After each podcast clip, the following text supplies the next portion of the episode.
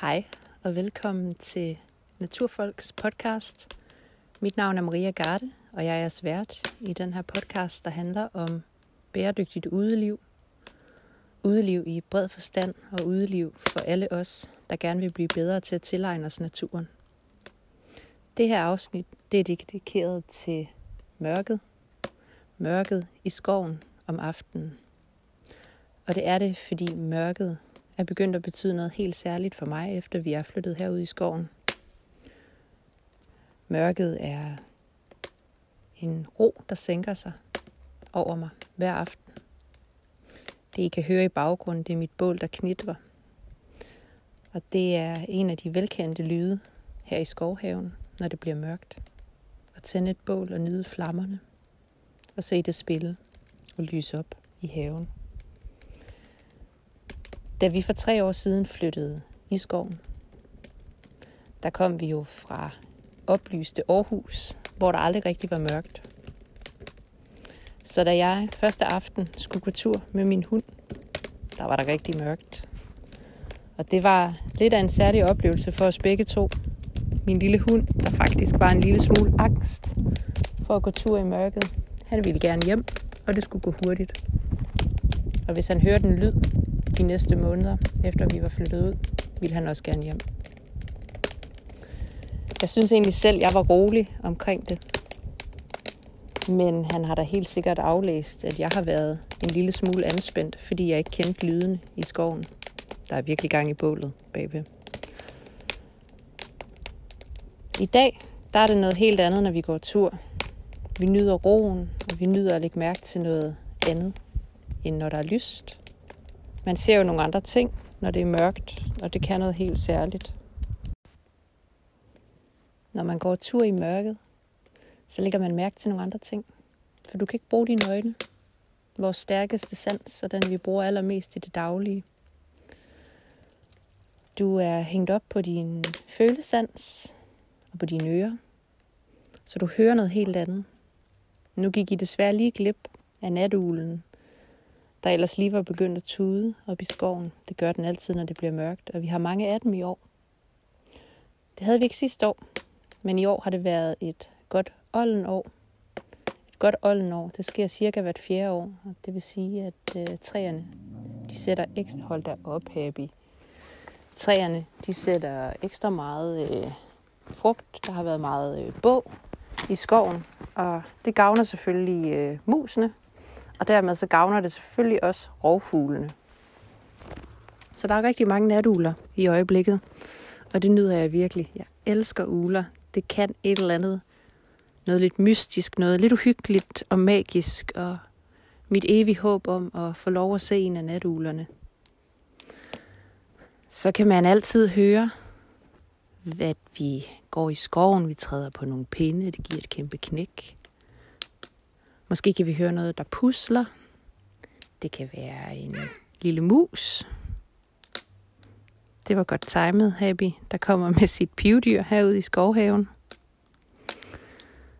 Det kan selvfølgelig også være rådyr og dårdyr. Dem har vi rigtig mange af herude i skoven.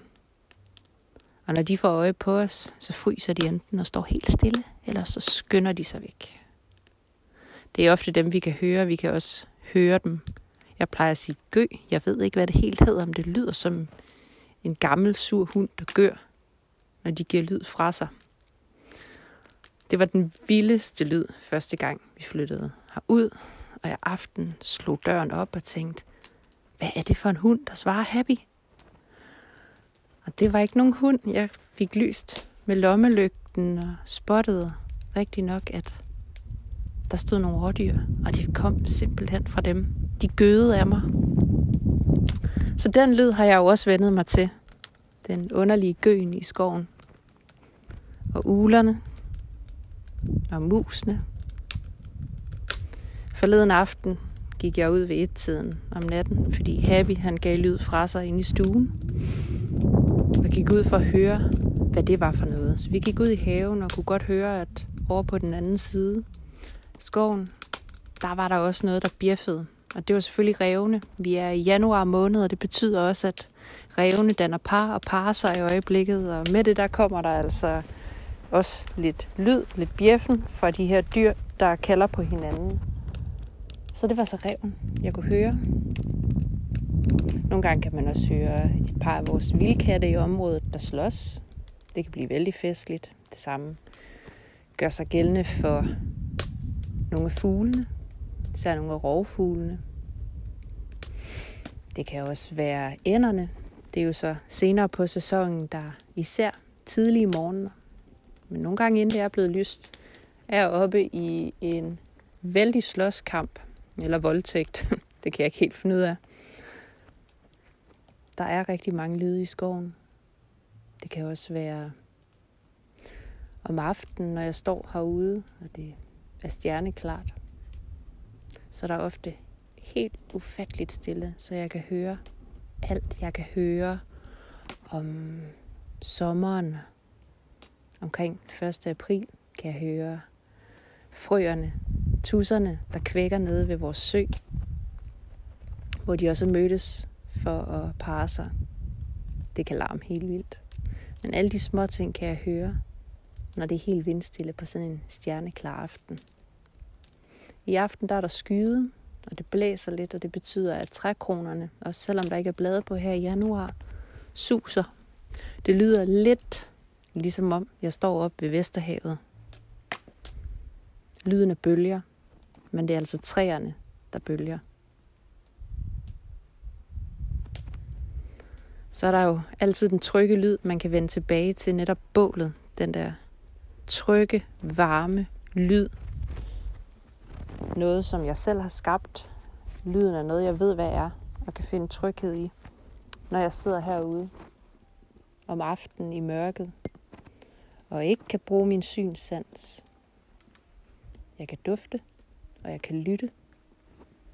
Måske kan jeg også lytte, at der er et eller andet, der suser forbi ved mit øre. Det kunne være flagermusen, der jo kommer frem, så snart det også er ved at blive mørkt. Især om sommeren har vi stor fornøjelse af dem. Og jeg skulle hilse at sige, at de går virkelig tæt på. Der er mange forskellige lyde i natten og i mørket. Og det kan et eller andet. Man får virkelig trænet sine sanser på en helt anden måde. Man lægger mærke til nogle andre ting i landskabet. Forleden lagde jeg mærke til, da jeg gik en tur op i skoven, og det var blevet mørkt. Jeg havde slukket min lygte. Og så kunne jeg høre vand. Jeg tænkte, det er da lidt underligt, der er der ikke noget vand her. Men det er selvfølgelig en ret våd sæson. Vi har haft utrolig meget nedbør her i Bøgeskoven, så det vil sige, at der er meget mudret. Vores sø er helt fyldt op, og det betyder selvfølgelig også, at de steder, hvor vandet løber fra og laver små vandløb i skoven, der er jo også godt gang i dem. Det er ikke nødvendigvis noget, du lægger mærke til, når du er beriget med din synsans i dagtimerne. Men når det så bliver mørkt, så kan du pludselig høre, Gud, der er noget, der klukker. Det er helt fantastisk, at man lægger mærke til nogle andre ting i landskabet, når du er så heldig at gå en tur i natten. Jeg kan stadig godt blive rigtig forskrækket, når jeg går op i skoven om aftenen. Det er sjældent, for det meste er det bare en rigtig god ro, der har sænket sig over mig. Men nogle gange, så er der altså noget, der flakser op i træerne. Og jeg har det lidt ambivalent med fugle. Jeg bliver utrolig forskrækket for dem, fordi jeg ikke kan læse dem. Jeg er bange for deres næb, for deres vinger og klør.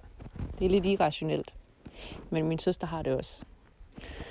Og øh, det er noget af det, jeg kan flippe allermest ud over, når der er sådan en pludselig flaksen. Og jeg flipper fuldstændig ud, og hunden bliver helt forskrækket. Men derudover, så synes jeg, jeg har fundet god ro i, at jeg kan begynde at genkende lydene. Så jeg er fuldstændig tryg, når jeg går herude om aftenen. Jeg kender stierne, så jeg ved også nogenlunde, hvordan jeg skal træde. Hvor jeg eventuelt lige skal tænde min lygte.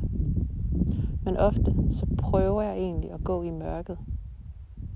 Min synsans bliver jo også lige så stille bedre i takt med, at jeg har været ude længere tid om aftenen. Nu har jeg været ude i godt og vel 20 minutter, og jeg kan se mange flere detaljer, end da jeg lige trådte ud i mørket.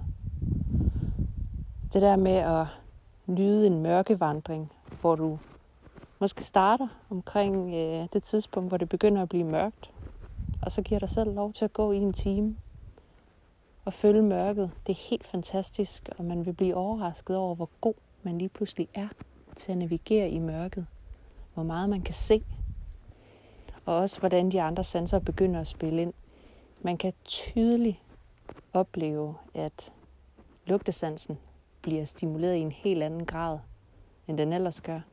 Og det er ret sjovt at opleve, hvordan vores krop helt intuitivt følger med i forhold til den situation, vi nu er i. Mit bål det er lige så stille ved at dø ud. Måske skal jeg have lidt mere på.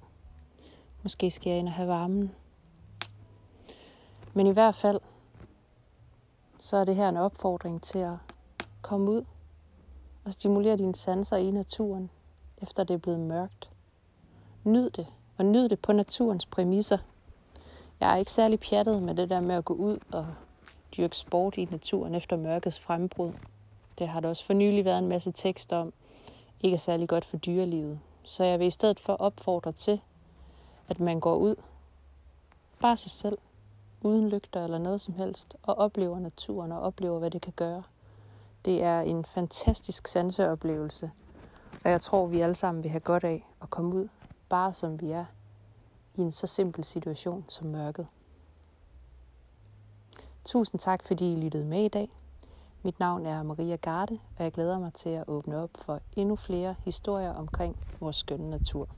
Tak for i dag.